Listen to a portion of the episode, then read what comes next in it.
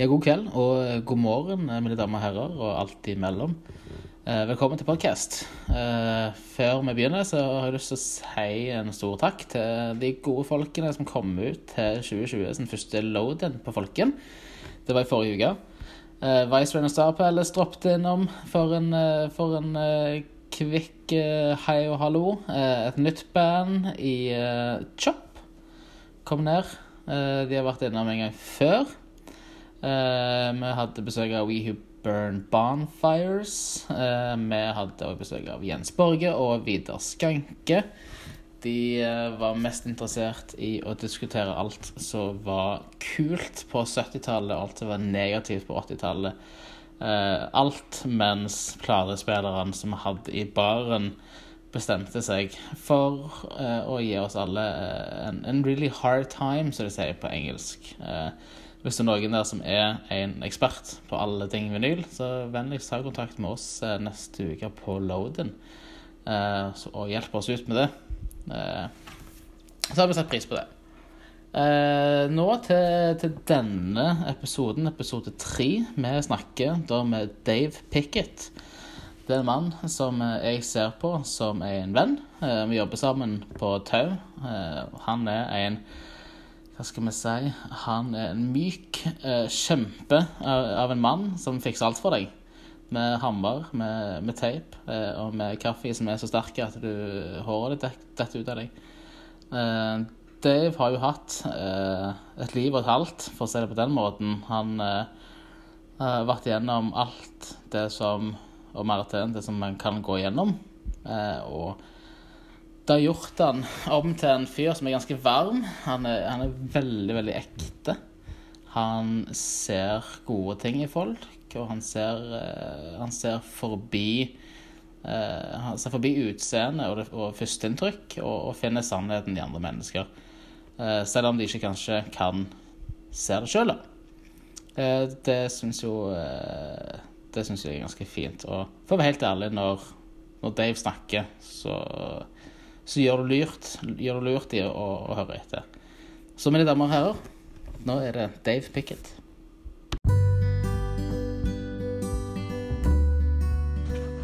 All right. Hello, Dave. Hi. Do you prefer Dave or David? Dave's fine. Either one, really.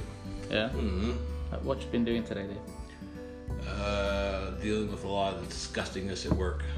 and then I came home and had a fish funeral in the backyard. At a fish funeral. Yes, with three 10 year old girls and one sad six year old girl. God damn. So we buried the can, or we buried, the, or we put the fish in a can of snus, uh, put on some All Them Witches, put on some funeral appropriate music in the backyard, dug a hole, and I had my six year old pour a beer on top of the fish, and they took handfuls of candy and threw it down, and we put the dirt back on and put a little gravelise, you know what I mean? Awesome.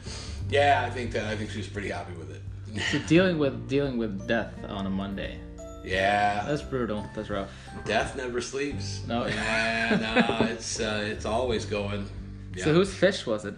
Uh, my my daughter, my six year old daughter's. Yeah. Got close to the fish? We only had it two days, but still, Alright. there was a sense of loss. You know? Because she did, she had two fish when she went to school, and she came home, and now she only has one. You know, Oh. so I think there is some sense of loss or whatever. Did it have a name? Yeah, Sessies, Sessies? Sessies. Sessies. Is that Norwegian? Sessies. Something like that. C E C E S or some shit. Or maybe it's the other way Sounds like an abbreviation of the name Cecilia. Maybe. something. Yeah. hmm Oh, damn. So two days, huh? Yeah, yeah. Tiny fish. Tiny last fish. long. well, you know, uh, you're here in Stavanger and uh, you're not born here. no. So did you have a, like, where'd you grow up? Uh, I grew up in Redondo Beach, California, which is a part of southeast LA, which is just a little like 10, 12 miles south of LAX. You like it? Beach. Yeah, it was cool, but uh, you know, wherever you are, you want to be somewhere else. Doesn't Right. matter if you're in the hustle and bustle of a city, you want to go to the country, and vice versa. And I wanted to get the fuck out of there. Yeah. and it, I, I kept trying and kept trying, and like you know, I moved to Oregon, and I came back. I got picked up for stealing a pack of cigarettes, and then held on a warrant, and like it's just always some fucking shit that I could never get scraped off my shoe enough to get the fuck out of there. Oh man. But then at 30, uh, I did, and I moved to Wisconsin, like roughly like Madison, Wisconsin. oh, cool. Yeah, eh, pretty cool town, a lot like Stavanger, college educated, you know, nice town, uh, and a great comedy. They had lots of stand up there in the Midwest, Right. and lots of music too. I mean, like they say that like if you're like, to try to like if you're an LA band and you're trying, you can't like you really got to go to the Midwest to really get something moving so you can go back. You know? Oh really? Yeah, you know, because trying to crack that ceiling, it's tough. You know what I mean? Uh, but yeah, there's a lot of sh- stuff going on in the Midwest, and it was pretty cool. And uh, that's where I learned stand-up comedy. So you're a stand-up comedian at this point, or Well, technically, at this point, I've still been doing stand-up longer than music, so yeah, Right. I guess I'm still a comedian. are you 30 by this point?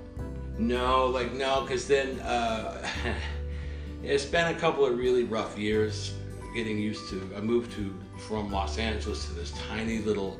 It was technically a village, 1,100 people. Uh, this town where Matt Kenseth, the NASCAR racer's from. That's Alright. like their. Uh, it's like they call it. It's 1,100 plus Matt. You know what I Yeah. mean? Like it's. Yeah, and that's really all they had going on. And I didn't adjust well to that. So I went back to Los Angeles for a year, and then shit just got really fucked up. Yeah. Yeah, and then when I came back, that's when I started buckling down, and that's when I started doing stand up. So like, do you remember like your first stand-up gig? Yeah. Uh, the first stand up gig I did, I stole what they call street jokes. And the street joke was like, guy walks into a bar, blah, blah, blah. That's Yeah. a street joke.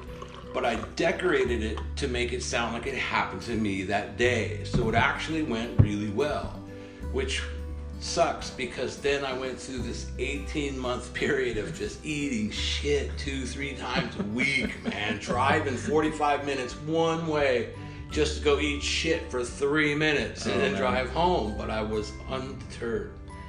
And then it started to then it started to break through and everything went all right.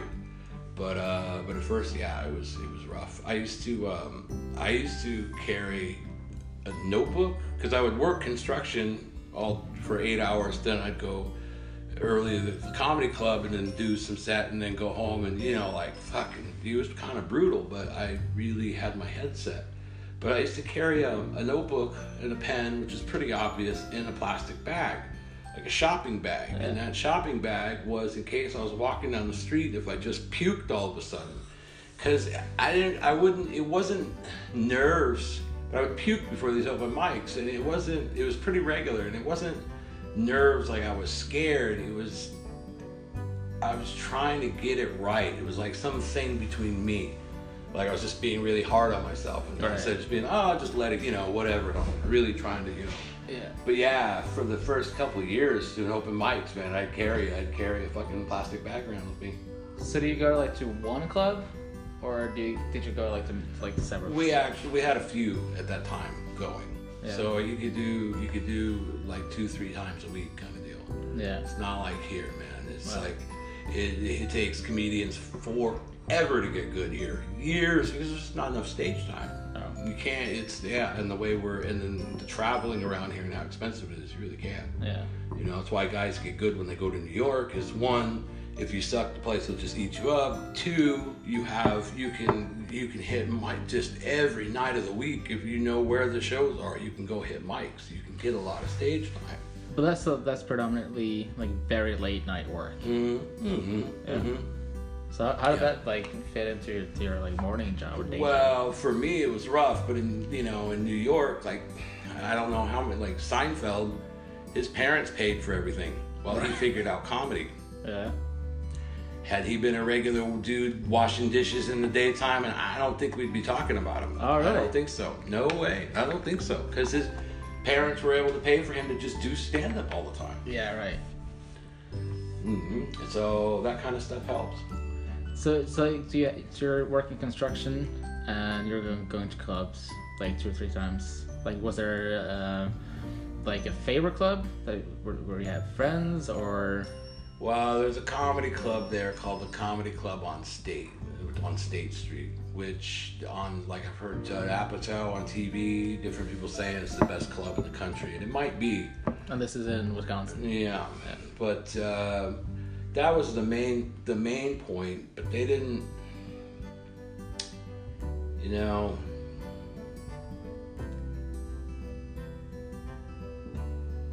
Open mics are where comedy lives. Right.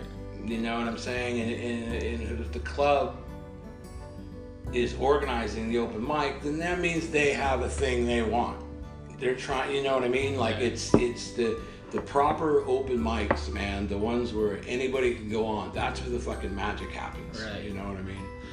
Cause I, I don't I, I don't know anything about like I love stand-up comedy, but I don't know anything about the uh, what was it like the mechanics of it. Mm-hmm. Like so it's like because you work a lot and for a long time on like five minutes or six minutes, and I, I hear stand-up stand-up comedians that talk about building up into like a half-hour set that can take years. Mm-hmm. Then you work up to an hour set that can take like five six years. Good. So were that like uh, were you working on like uh, going to that sort of place or All I wanted to do was not be a drug addict anymore. right? I did not want to be homeless anymore. I did not want to be shooting up. And I don't want to be dealing with all the shit that goes along with those things. So I had my head set like I gotta get, I gotta find out what the fuck it is I want to do. And then uh, I got some online course about comedy writing, sitcom writing, you know. And then they said that's you go to open mics and that's where you try out your material that you could, you know. And then as amazing as it was, like they had just opened, they had just started the open mic at that club like three days before that. So Oh, really? The next week, it was like Brand new. serendipitous, if you want to call it that, Yeah. for me. And then, uh, and then some of those guys, man. So one of my buddies was just on Conan not long ago. You know, some of them did great stuff. You know, Cool. uh, most of them didn't. It's just it's just too hard. You know what I mean? To travel around and like, if you can't sell merch, you just you don't survive. Right, it's, yeah. it's very similar to music, only that you make more money in stand up because it's just you. Hmm. You know, I, I remember I've been in a band for five years now, and I had fucking filing the taxes has not been, I have not even thought about it because there's zero income. Where in stand up, I was stressing over what to, you know what I mean? Because Alright. here you hit 60,000 and then they chop you. Yeah. Like you, then you got to pay them like 25 of that. Like, oh. You know, I turned in 63 one year, some shit Oh, like shit. that, and it just ruined me. then then it starts to get serious. Yeah. Yeah. So it's like so what were you like you're you're you're in Wisconsin. Like did you did you go to school at any point before that or Nah, you know, I uh, when I was 16, my English teacher pulled me aside. and He's like, "What are you doing here, man?" Like, cause I was like in a continuation school thing, Right. like one of those schools where they let you smoke just to, just hoping you'll stay, you'll hang around. You know what I mean? And uh, he goes, "Why don't you get your GED, your general education diploma, and just get out of here or something?" And I did. Have, well, I did that, but then I just started selling drugs for this girl named Marissa, and um, then my my path just went on that whole different course. You know, Yeah. I didn't know at the time that UCLA is the top comedy writing school in the world. You know, I did Oh, yeah. not know that, and it was only 20 minutes, 30 minutes away. But yeah, did you want to go back when you found that out? go back where to To- LA. yeah. Nah, it's complicated there Yeah. it's complicated. It's very complicated. Uh, it's you can if you can live there and be from somewhere else, and it's and it just is what it is. But when you're from there, it's something else because you know it's just gang stuff and that stuff and the other stuff, and it's you know uh, complicated. Yeah. So nah, we got to get the band back there at some point because that's one thing that is like in my head is like if if I can't take this this band back to the old punk rockers I went to school with, you know, Yeah. then fucking we need to retool. We need to figure something out. We Yeah. need to go disco or rap or something and just fuck it, you know. So you're like you're in Stavanger, Norway now. How'd you end up here? I uh, I uh, met a Norwegian on uh, what was it Match.com, and, uh, soon as I heard her voice, I just fell in love with her, and I have two kids with her now. And her, and every time we'd come to Stavanger, I could always see myself living here. Yeah. Uh, just something about it, you know. Uh, I really like this town, and then the music, and there's just so much going on, you know. Um, so huge, there's a large amount of talented people in this town. It, uh, unfortunately, there's a large tidal wave of alcohol that keeps them all blurry during the day, but they're here, you know what I mean? You know, I, you, you can get guys to join a band here that just, if they were in New York or maybe even Oslo, you couldn't really get a hold of them, you know what I mean? um, yeah, so like I really like this town. Like I just always see myself living here. So then uh, I got we got married in Madison, and I and I didn't realize I didn't even talk to my wife about it, but I announced that we're moving to Stavanger and we're moving to Norway. At the wedding. Yeah, Oh, really? yeah, I just knew, I knew. And then I came out here and I I um, I secured a day job with Norsk Fiber Optic and a, a booker for comedy. So then I had both of those. So then we just we just fucking sold everything and just Yeah. packed everything else up in a truck and, and moved. So, what was your like first year living here? stand up, stand up, stand up, stand up, stand up, stand up, stand up. I I was uh, I did a show at Checkpoint. I think the first two weeks I was living here, Right. And then they asked me to be their English house MC. Like fuck yeah, you know what I mean? And that really helped me because I think if I'd have been like a regular dude coming here, I think it would have been very hard to just stand in the back and then just. But be, but with being on on stage, it allows the locals to um, judge you and and uh, and and then approach you in their own uh, time, Yeah. kind of thing. You know what I mean? And I'm up there, blah blah blah. So it gives them something to say. You know what I mean? And uh, and that worked really well. Uh, and I did stand up all over Norway. You know, uh, it's really boring most of the time. You're just by yourself. Like it's you know. So you went to Oslo and Bergen. Oslo, Bergen, Trondheim, Skien. I've been in a bunch of weird fucking little towns with Dex Garrington too. Uh, what's the one with the blue box? Grim Grimstad Grimstad? and Lillehammer and, um, then Bodø and Tromsø, uh, Kristiansand, all over. All over. Mhm. What do you think about the bigger cities in, in uh, Norway then? Like comedy wise? Oh well, Bergen's got a really good thing going, and but they've been in the same place for a long time.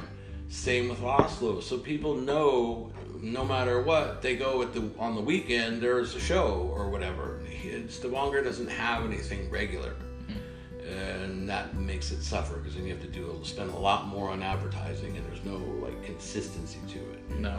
hmm So do you have like, because you come from a big, pretty big city. Yeah, So also like, like coming to Norway and everything's smaller? And But I I adjusted to that in Wisconsin. So I made all my small town mistakes, like dating in small town, dating the wrong person. I made all those mistakes in Wisconsin. By the time I came to Norway, I had it kind of figured out, Yeah. or at least I knew what I was stepping into. Because when I first moved to Wisconsin, I didn't. I just left, and then I had to go figure it out. You know. was it weird for you? Like, 'cause, like you say, you come here and then two weeks into your first year living here, you're hosting a comedy night. It's awesome. Yeah. It's awesome. Uh, it is weird. The whole thing was weird. But I was the like comedy is my third favorite love. And Second would be like acting or theater type. And the first is music. But I always had I always said uh, I do stand up because I suck on guitar, which is you know, but it's also a cop out. Right. hmm And then yeah, yeah, yeah. So, so talk to me, talk to me a little bit about music, like growing up. Like, do you remember like your first music experience? Yeah. Uh, there was a show called Welcome Back Kotter on in the 70s, and it was the show where John Travolta got his start. Oh, And there was a theme song by uh, John Sebastian, who was in Lovin' Spoonful, uh, called Welcome Back. And uh, my mom said, I used to stand up. I guess it was maybe around three, two or three, and I would stand up and I would sing back at the TV. Come back. I couldn't do the words or anything like that, but I would fucking stand up. And my whole life has been my ear shoved into a speaker. Mm. You know, yeah, fuck. I mean, and it's like, I think, let's see, my first, the first 45 was Dolly Parton, 9 to 5. Cool, yeah. Yeah, I asked Yeah. my dad for that. The first one that I bought myself with my own stolen money as a little kid was uh, Devo Whip It. Oh. Yeah. you know? and uh, music has always been some because I have radical depression and I'm bipolar type one, ADD, ADHD, and all these and a few other things. Yeah. Uh, and now I take medication. It's a lot easier, but in the past, it's been really fucking hard. And loud music has been my number one drug for as long as I can remember. Uh, I always collected records. I went to high school. I- had a high school that was we had to take a bus, and so my mom would give me money for the bus there, and the money to ride the bus back, and the money to eat lunch but it was just about just enough money for me to buy for sure one used album and maybe some extras you know because this is like yeah vinyl is still a thing at this point or are you doing cassettes and oh mostly cassettes at that point but uh, i would but records too but i'd always be sifting through uh, like just that flipping like ah, god i wish i knew how much time i've spent just flip flip flip flip flip flip flip, flip, flip, flip your back hurts and yeah. your neck hurts and you're like no a little bit more shit what's this Spent a lot of time like that. Yeah. and then I figured out young, we had a lot of uh, uh, used record stores where, you know, back then it was like eight bucks for an LP, but you could get a used one for four bucks. So Right. you could get two used for the price of a new. I remember, uh, I remember, I remember panhandling. I remember being about like 12 and panhandling for money in Hermosa Beach and like just asking everybody if I can have some money, right? And I'm trying to get, I think it was $3.99 or something for Metallica's "Jump in the Fire," that old Music for Nations cassette or whatever. And this one couple, this dude, he's like, "Why are you okay?" Dude, like ready to like drive me home or whatever. And when I told him what the money was for, he was so mad. he was so fucking mad. And he, he was just disgusted or whatever. But it's like, it's fucking Metallica, man. What the fuck you? Like, you know? He just couldn't leave it, man. And he was with some chick, and I could tell they were probably on a date. And man, he could have looked like a superstar. Instead, he was the dude who cussed out some kid for Yeah. money. Hopefully not a second date for that. probably not. so Metallica is one of your, like your heroes growing up. Any, Growing up, yeah. Yeah. Uh, you know, yeah. Cliff. I miss Cliff. Yeah. Yeah, yeah. You were you were there when uh, when he went to Sweden. No, I was I was in California when he went to Sweden, but we were. You know, remember it as well. Yeah, yeah. You're Yeah. like, what the fuck? But then when the the Garage Days revisited cassette, still one of my all time favorites. When that came out, it helped ease the Yeah. pain. You know. So did you like did, did you play in any bands growing up?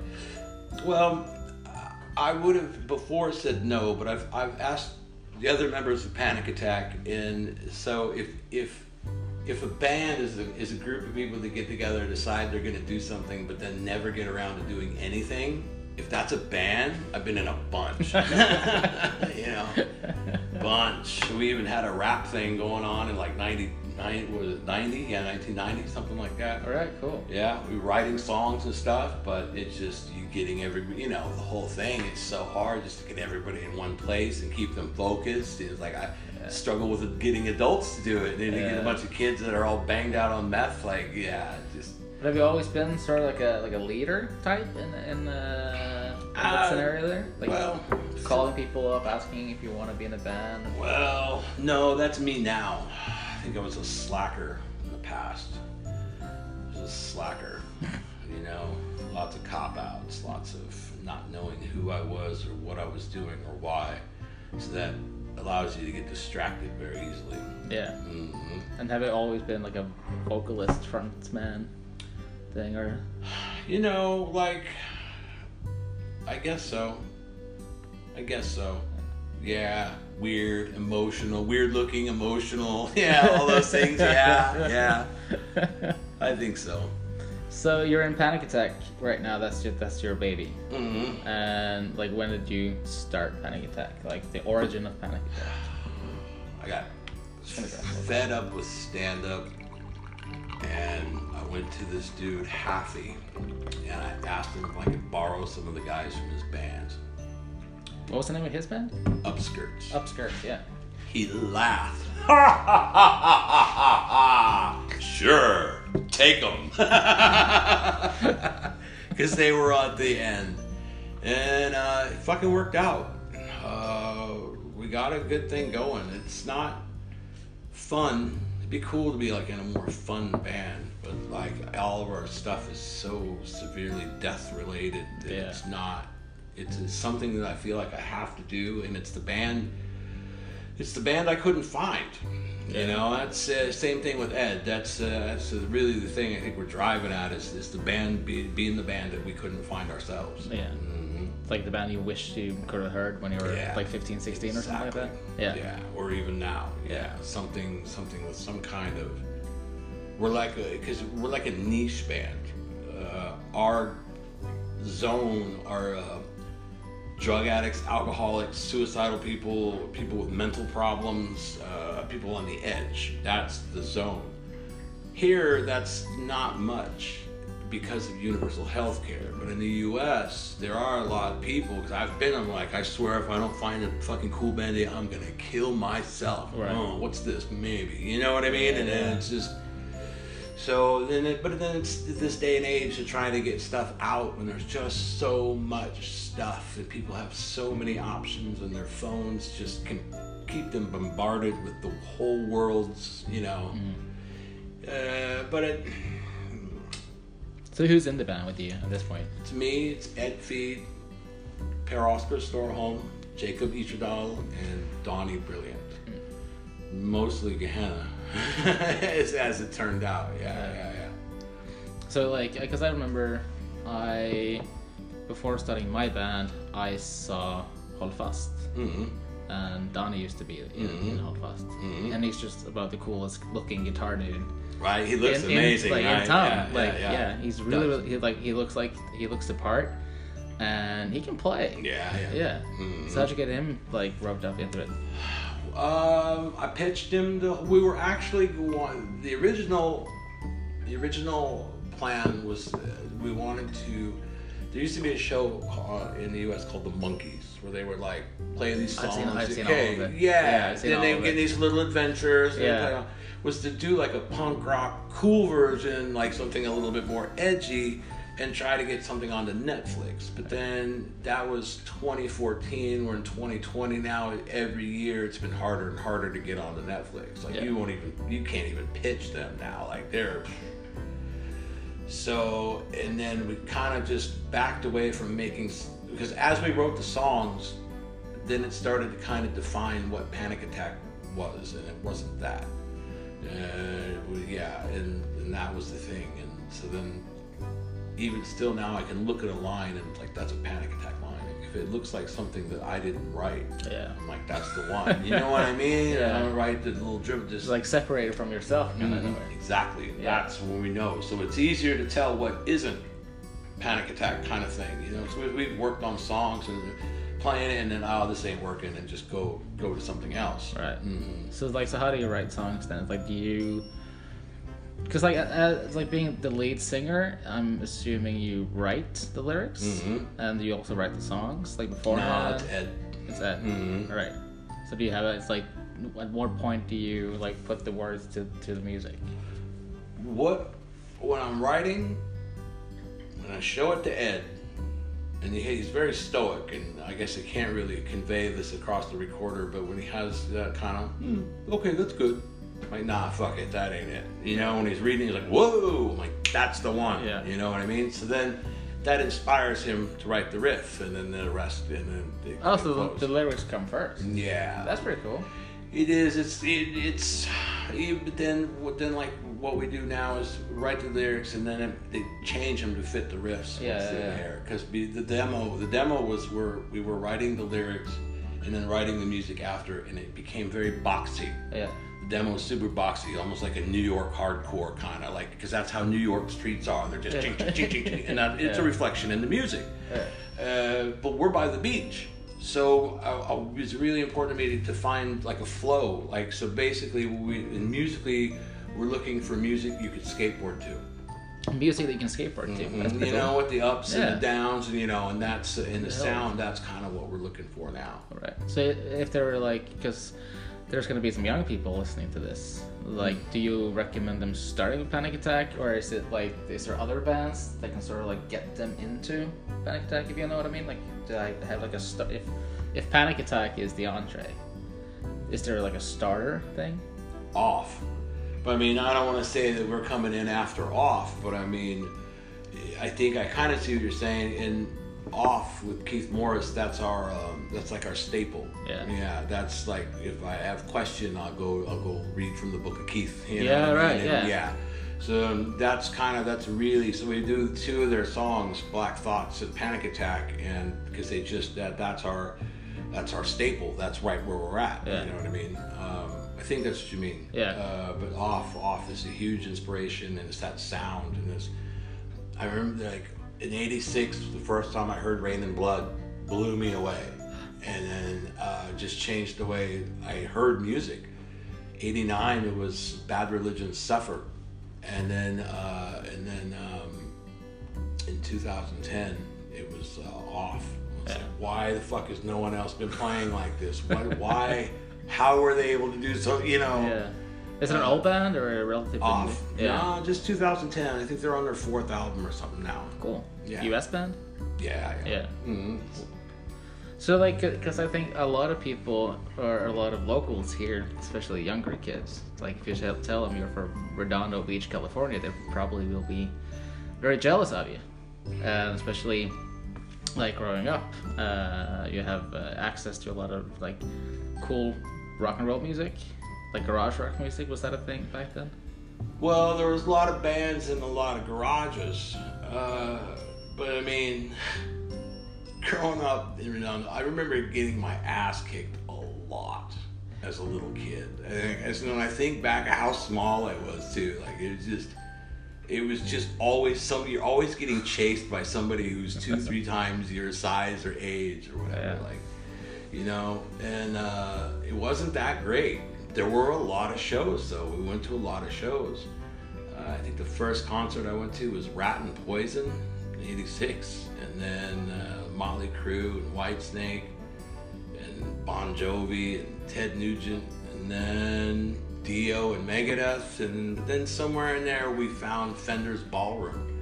And fuck, dude, the punk shows that were there was just like, wow. I mean, when we saw it, we were just like, what the fuck? I think the first show was Uniform Choice, Seven Seconds, Youth of Today, Half Off, and Dr. Know.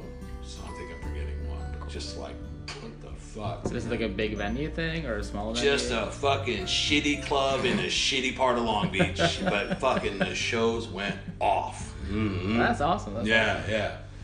And then my, I had a cool mom who would just drive with kids. She didn't really trust other people's parents because you know they're flaky or they'll just you know forget to pick up the kids. So she would do it, and six, seven kids packed into a car, mohawk sticking out the window, you know.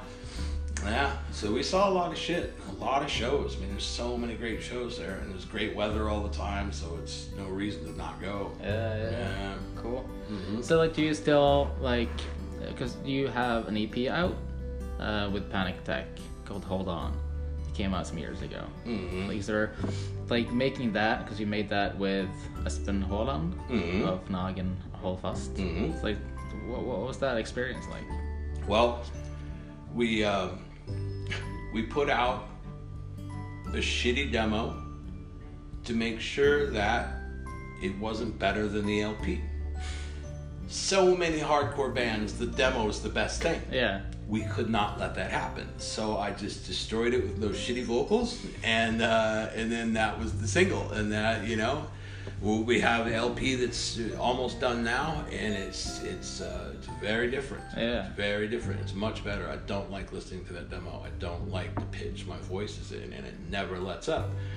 But some people like that. You know what I mean? But um, yeah, it just we just didn't want it to be better than the LP. Yeah. Mhm. So like, did you do you still draw on your experiences from like Milwaukee or Wisconsin or California still? Yeah, but I try to. That was the thing I didn't. That's another thing I didn't like about the demo was that there was songs about the past, and so I'm trying to get out of that and more into the present. Yeah, that's cool. Yeah. Because I was like, uh, I think I talked to you when I first. I can't remember like exactly when I met you for the first time. I think you were doing stand up Mm. in Aquaria at Folken, Mm. and you were sitting down. And I think you were emceeing, and I think it's probably. Would it be right to do to say it was 14 or 15 maybe? Four, it had to be 14 because I think that's when I quit. Yeah, hmm because I think possibly you've already talked about quitting or something. Yeah, maybe. Um, you do this joke where you say how much you hate stand-up comedy. Ah, that was the last stand-up show. I did one last one in Madison and one last one here. Yeah. That was that one. Yeah. And you're sitting down and you're introducing different people. I had friends who uh, who did uh, did a set that night. Uh, uh, I remember talking to you briefly about and then about your uh, stand-up thing. Had, had Panic Attack started at this point? Because it's the same year, maybe. Actually, yeah. You know what? Because that one, because uh, yeah, that was I was uh, running the open mic. in Yeah. Yeah, yeah. So that I think Panic Attack already was a thing by that point. Yeah. I think so. So I can't remember if that was the night you told me what spot burner spot burner means, Ah. or if that was a later later thing. So what does a spot burner? what is that? Uh, it, it it's it's. A, I remember at one point, like I, like I'm living in a stolen car, and and what I'm doing is I'm in a I'm in a like a silverish four door Honda, and I'm living in it, and so then. I would go steal license plates off of other the, the same exact make and model, and then I would stick it on my car, keep it for like a week or two, and then I would steal another one, stick another. So they were, I was constantly changing them. So people would go out to the car and have two different plates, and be like, "What the fuck happened?" You know. And uh, you know, it was just, oh fuck, everything was just so bad. And then like. The, my buddies could deal with it, but like their wives couldn't deal with me, kind of thing. So there was the number of houses where like, oh, I'm not allowed there anymore, Yeah, you know. yeah. And uh, and my buddy Alex, or, oh, Dave burnt the spot again. so and that's what it really, you know, and that's where it came from, spot burner, Yeah. you know. It's a killer music video. I just watched it. and It was like uh, an hour ago before you. Yeah, before right on. came here. Yeah. We uh we won some awards on that. I Yeah. put in a lot of online awards or online things, and we we got some really good awards. It's nobody's really seen it. It's so hard to get anybody to look at anything. Like it's ten, if it's over ten seconds, like people, I can't deal with that. Like they just don't even. So it's like you can just you can have something that can win legitimately, but people still won't see it. Like it's Right. still you know. But uh, yeah, that was uh, that was a really interesting experience. That was um, that was something else. So like performing in a band versus performing as a stand-up comedian. Because like we we like we've touched like barely on but there's a lot of similarities and but to me I've never done stand-up comedy. Um, to me it looks like the harder uh, art form.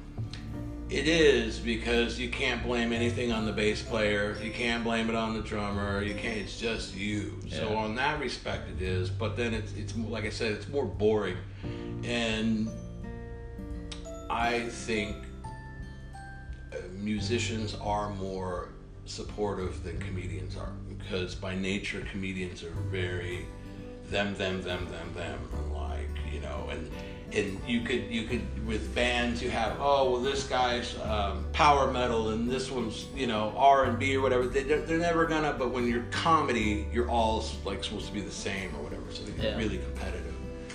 Um, so it's I, I like it better for that but um, it's way more work to be in a band way less money but I think it's more fun Because I've, I've always like uh, when you're trying out a new song, it's it's kind of difficult to know if it's working because you know like when you go to shows yourself, you can see a band and think they're cool and dig the music without losing yourself. Like you don't have to mosh or jump up and down and, and lose your lose your mind just because you think it's cool. You can kind of be in the background and nod and so it's difficult when you're on stage and the and some uh, it's not like some you can see some people in the crowd are liking it. Some people aren't showing any kind of emotion, but they still can like it. Mm-hmm. But with comedy, you have or stand-up comedy, like you have the laugh thing. Yeah. It's like people can't really stop themselves from from laughing, and you get that instant like gratification. Feel like that joke landed perfectly with you know that dude. Sort of, because I've done. Carl Berga. Carl Berga tells the story better than I do. But I did this. The, the booker kept telling me the crowd is gonna be this, crowd is gonna be this, and I saw a kid. I'm like, there's kids here. Oh no, don't worry about that. So I would go and just do the fucking gnarliest material I have, right? Because that's what is, you know, oh, this is the cool edge people. Oh, it was just so wrong. And a hundred people at Tou Scene, and they're all just freezing me out except one dude who's just like, ah, I'm killing one dude. One dude can't even fucking hold himself up, and all 99 the others are just like, I fucking hate you. You know, uh, and you can do a bit in one room and it kills. You do it in a different room, it doesn't. The other thing is there's like a um, there's a basically a two year shelf life on jokes. Like a joke that works now really won't work in two years for a bunch of different reasons. On topical humor, you really have a 48 hour window before people are like, Shh, you know what I mean? Uh, but a great song, fuck, a great song lives forever. Yeah, it is. I, I like that, you know, and writing comedy is not my thing. I can write a song about anything. I can write a song about that fire extinguisher, the fridge, you know, and it, it just I can just write a structured song. and give me enough time of fucking with it, I'll make it pretty cool. Yeah. But with comedy, it's like, ah, it's painful for me, painful experience for me to write comedy. Right. Mm-hmm. So it's like, what do you think about like um, writing uh, music from a dark place versus writing from a good place? Well, I'd like to find out what it is to write it from a good place. That'd be interesting. Um, everything right now, like Panic Attack, it's just so dark. It's heavy. Uh, just the, the whole, the topics, everything in it. Because then I, I slave on the words to where like, can I live and die by this line? Can you put this line on my headstone? You know what I mean? Uh, but then it, it's also there's no fun to it. There's no lighthearted. You know what I mean? Um, I need. I'm working on trying to get something that's a little bit more upbeat, a little bit more musical, um, that I can do like an upswing. You know? Yeah. Yeah, but right now, right now we're all downswing. So it's like, well, I, I figured it, it- there's two things. Can I hit that? There's Okay. two things that everybody has in common. That is joy, which Right. I don't know shit about, and misery. I know that one. And so that's we write the key of misery. You're writing the key of misery. Mm-hmm. That's a tombstone Yeah. line. Dave Pickett. He always wrote in the key of mystery. But it's Or like misery, that. yeah. but It's like that. You've seen Walk the Line, Yeah. right? You remember when uh, when when Sam Phillips told him to stop playing the gospel music, and he's like, if you had time, if you were dying out there in the street and you had five minutes time to sing one song, Yeah. is what song would you sing? Like that's where I stay with that zone. Very cool. hmm For me, it's Tweaker. Yeah. That's my jam.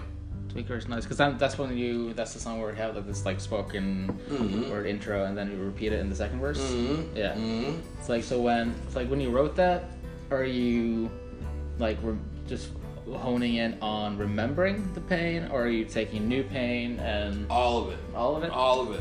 I took, I looked at all my favorite like speed songs and try and saw uh, what they were writing and why why does that not fit for me? You know what I mean? Yeah. Kind of thing. And then I could have made it way more gory, uh, but I peeled back because I wanted to keep it relatable Right. to an extent. Some I throw in parts like uh, like that. Um, syringe is old and dull as fuck. Popping sound when I break the skin. Only OG dope fiends would know that. Like you know what I mean. And they get new needles here, so they wouldn't even know it here. But in the U.S., they you fuck you have to hang on to that thing Yeah. you're not getting you know. Do you gotta boil them? Nah, bleach. Bleach. Bleach. Oh, shit. Which I believe is why the Nirvana album is called Bleach. Oh yeah. I'm assuming. Okay. It's always seemed obvious to me. Yeah. But I don't know for sure. So what do you think about like Stavanger is like I'm born and raised here. Mhm. I've always like done music here. Um, like what do you think Stavanger's strongest feature is when it comes to rock and roll music? Fuck, talented players. Yeah, Mm-hmm. even for a small town. Yeah, there's Yeah. a fucking lot of them here. What's its biggest flaw? The alcohol that they're drinking. Dead serious, man. There is so much talent in this town, and there's just a tidal wave of alcohol that keeps everything all blurry and mushed up. Do you think about that when you go, go to see shows still? Hmm? Or do you, do you even like have time to go watch uh, shows still? Oh, you know, God, I'm 46 and I feel like I'm 158. and so, like, to work all day on a on a Friday and then wait till 8, 9, 10 o'clock and then just stand there and it's just fuck, Yeah. man. So no, I, I don't really go watch that much. I mean, I do. I mean, I have tickets for Faith No More in Oslo. Uh, Donnie and I got tickets for um, No FX, Circle Jerks, Pennywise in, in Oslo Yeah. early June. Uh, so I see lots of shows. I see a lot of stuff, but You even uh, broke out of the hospital to see a show recently. I did. I really did. How much trouble did you get into? The, nobody knew. well, you posted a picture on Facebook. Yeah, but but none of my doctors are friends with me. Oh yeah, that's cool. Yeah, I just yeah, we had driven all the way to Wacken in 2018, and the main thing we wanted to see was Zeal and Ardor, and we missed them. We didn't get to see them. Oh. So that was like a big thing, and I didn't want to just because I'm almost dead miss seeing them again when they're in my hometown, you know. Yeah. But uh, yeah, I was really fucked up, but uh, that was really great to see them. Did, didn't get any any trouble with the missus for, for doing that? I got a lot of stern looks, but I don't give a fuck. That was worth it. so can you talk a little bit about the different venues that we got here, uh, like Folken and Tou Scene? Like, what's your relationship uh, with these venues? great with both. Uh, you know, there's a lot of great clubs here, man. Great relationship with Checkpoint still, Folken, Toe. Like, yeah, there's uh, there's a lot of stuff. There's so much great stuff going on in this town, and then people are still like, "There's nothing going on." It's like there's everything going on. Yeah. But it's just like I said, it's that that phone where there's bombarded with so many options, you know. Yeah. And then everyone's like, "Oh, that was yesterday," and myself included. Like you just miss it because. But uh, yeah, I mean, Tou Scene's uh, they're doing amazing things, and they're really booking some fucking great shows. You know, Folken as well. Um, yeah, really lucky. It's a great place to be. That is a great place to be, and I think it's weirdly understated and weirdly overrated uh, at the same time, Mhm. depending on who, who you hang out with. And uh, in, in the summer, we have like for me, and I talked about this in, in the previous podcast as well with uh, with Amelia. Uh, was it's the kickoff to everything good. Uh, it's Musikfest. Yeah, yeah, Yeah, remember your first Musikfest? I do. I don't remember what year it was. It might have been 2012. Probably 2012. And I remember just walking around going, what the fuck? This is real. It's free. It's this. Yeah. That. I was blown away. Still blown away. I think Music Fest is when Stavanger's king.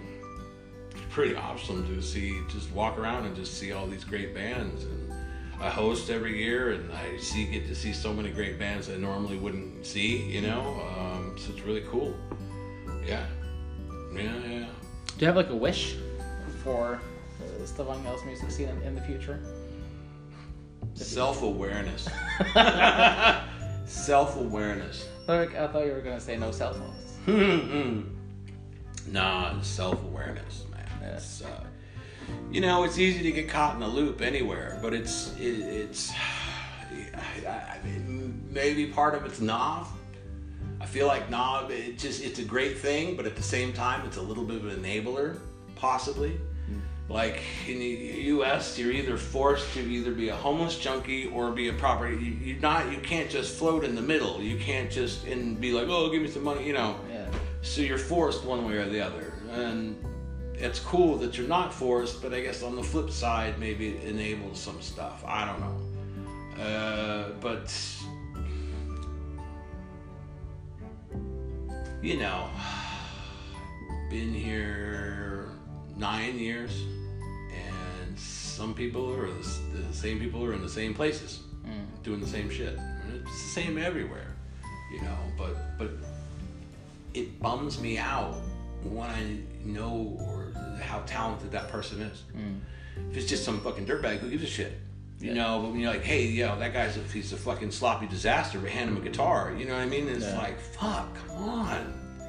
You know? Yeah. Yeah, that's where the, the sting is. It's just, you know, I see the best in people, and sometimes that's a, a curse.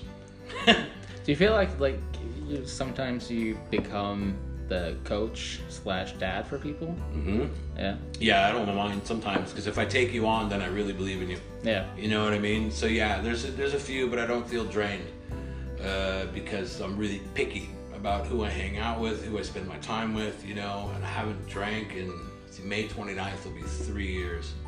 So then it takes away all that, like you know, you just kind of casually hang out with people, or you just hey, you know, like I, it's either I'm there to do something with that person, or I just I got other shit I got to do. You know what I mean? So, uh, but. Um, Yeah, you know, I don't mind being the coach. People need coaches, man. Well, you know, it just depends if they're if they're responding to it as well. You Yeah. know what I mean? That's the thing. Like, um, say for instance, uh, so one of the other bands in our room was really inspired by the way Panic Attack does stuff. We write the words up on a piece of paper where everyone can see. Here's the chorus. Here's the bridge. It's not a ma- It's not left to communication. Oh, that was the other part. No, it's fucking right there. Right. and that kind of simplicity and order on stuff like that it inspires others to to you know to, to kind of either find their own way or, or to, to you know to Yeah. clean it up a little bit because you know how frustrating it can be to be a musician and be in a band and you can't communicate and everybody's drunk and "Ah," you know so it helps you know, some kind of focus you know what i mean Is there like a like a beer ban at uh, Panic Attack's rehearsal space? say again Do you have like a, like a no alcohol policy? Uh, No, fuck no. Uh, there was panic attack. Uh, we do what we do, but we get shit done. Yeah. Uh, every song is is the main part of it's been written in like less than two hours. You know what I mean? Like so, it like we're we, we kind of have it like an assembly line. I was watching a lot of stuff about Henry Ford and how he, because he was the king of that, streamlining the process of how the cars yeah, were made. yeah. He could get he could sell more cars because he could get more cars out there. Is that Taylorism? Hmm? Taylorism? Taylorism? Yeah, I think that's like some guy named Taylor. No. Henry Ford.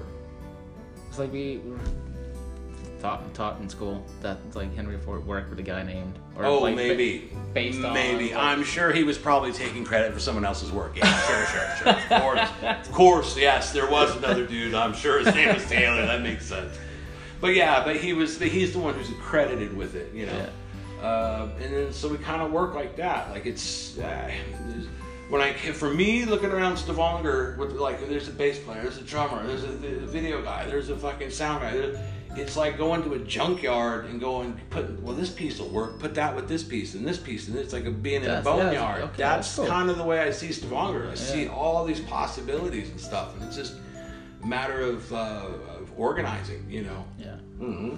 Do you have any uh, advice for younger rockers or mus- uh, musicians struggling with uh, like the depression thing, not getting things right, maybe being stuck in a rut? Uh, what changed my life is I found I had read a thing that basically said you what you have to do is you have to dig into your like most painful memories and find the one good thing that came out of that shitty experience. And what that did once I and, and I once I went through that project and I was able to do it for myself, then it was like I was an unstoppable force. Nothing, any shit you throw at me, I can twist it. And that's in, in doing that, then you will be able to just go forward and not listen to what anybody else has to say, because you know how it is. We're all nuts in a way, and we're all um, what's the word? Where you're just you, where you're um, delusional, Oh yeah. you know. But you have to be like you have like Kanye West is just, everything he says is just so ridiculous. But if you have, he wouldn't be able to be Kanye West if he just started talking common sense every day. Yeah. Like it's just, you know what I mean. We have you have to just believe in yourself, eh, regardless of what anyone else says, because people will tell you not to do something, this, that, and the other. But then once you do it and it's done, they're like, "Oh, this is awesome." And it's Yeah, like yeah. they people's opinions change like the wind. So it's like you can't if you know it from the inside, you feel it from the inside, then you just got to do it. And also, it's being up on a stage doing anything is not normal thing to do. It's not. Uh, that's that's usually a reflection of damaged people that need that need the approval of their peers. Open like I need to say this, and I need you to clap so I can feel good about myself. In comedy, like it's Yeah. the most damaged people. Those are the ones. Same thing in a band. So it's like, well, that's okay then. You know, uh, at least we're not shooting up in a stolen car. Or at least we're playing music and doing Right. something. Exactly. So we, we gotta wrap this up, dude. Mm-hmm. Uh, what, what, what's next for Panic Attack? You're making an album? We've got an LP that's we just have to finish a few leads and do mastering, and then um, I think it's ready to be unleashed. You gonna put it on, out on vinyl or Nah, too painful. painful? Too painful, man. Just trying to, you know, it's just so sad to watch him sit there and, you know, min 300 minimum, and it's just, uh, no, we'll just do Spotify this time. Yeah, just Spotify. yeah. Do you like that stuff? Hmm? Do you like Spotify?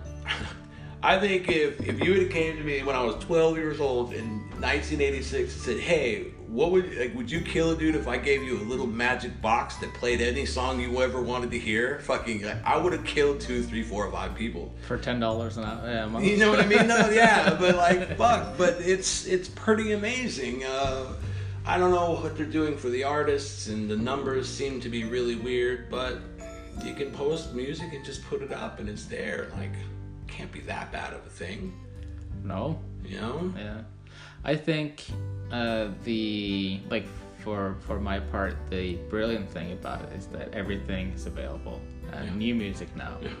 It's uh, discovering like you're discovering like new bands every week, Yeah, right. and I think that that's a beautiful thing in and of itself. Yeah, it is. uh, and uh, we should all be so lucky to to have it like now and hopefully it will develop into a in the future it will develop to actually pay people There's a um, what is it? There's a dude in Denmark who's trying to do that. Who's trying his, his sock. Uh, oh gosh, purple diamond, blue diamond, blue, blue. i don't know Shit is something where, Something where a band could upload their own music, see exactly who's listening everywhere, get paid directly, all this stuff like making the music business transparent. oh that's Which, uh, yeah, it, the whole thing sounds amazing. I don't know if the Warner Brothers or one of them is going to kill him, you know what I mean, and take over whatever he's doing and Yeah. corrupt it. But you know, it sounds pretty cool. Blue cobalt, blue cobalt, cobalt with a K. cobalt with a K blue Cobalt with a K. Check that out. That was uh, that sounds interesting. So I think the future holds good stuff. Mm-hmm. there's a positive future Dave nice talking to you nice talking to you, man. Thanks, Thanks. for having me.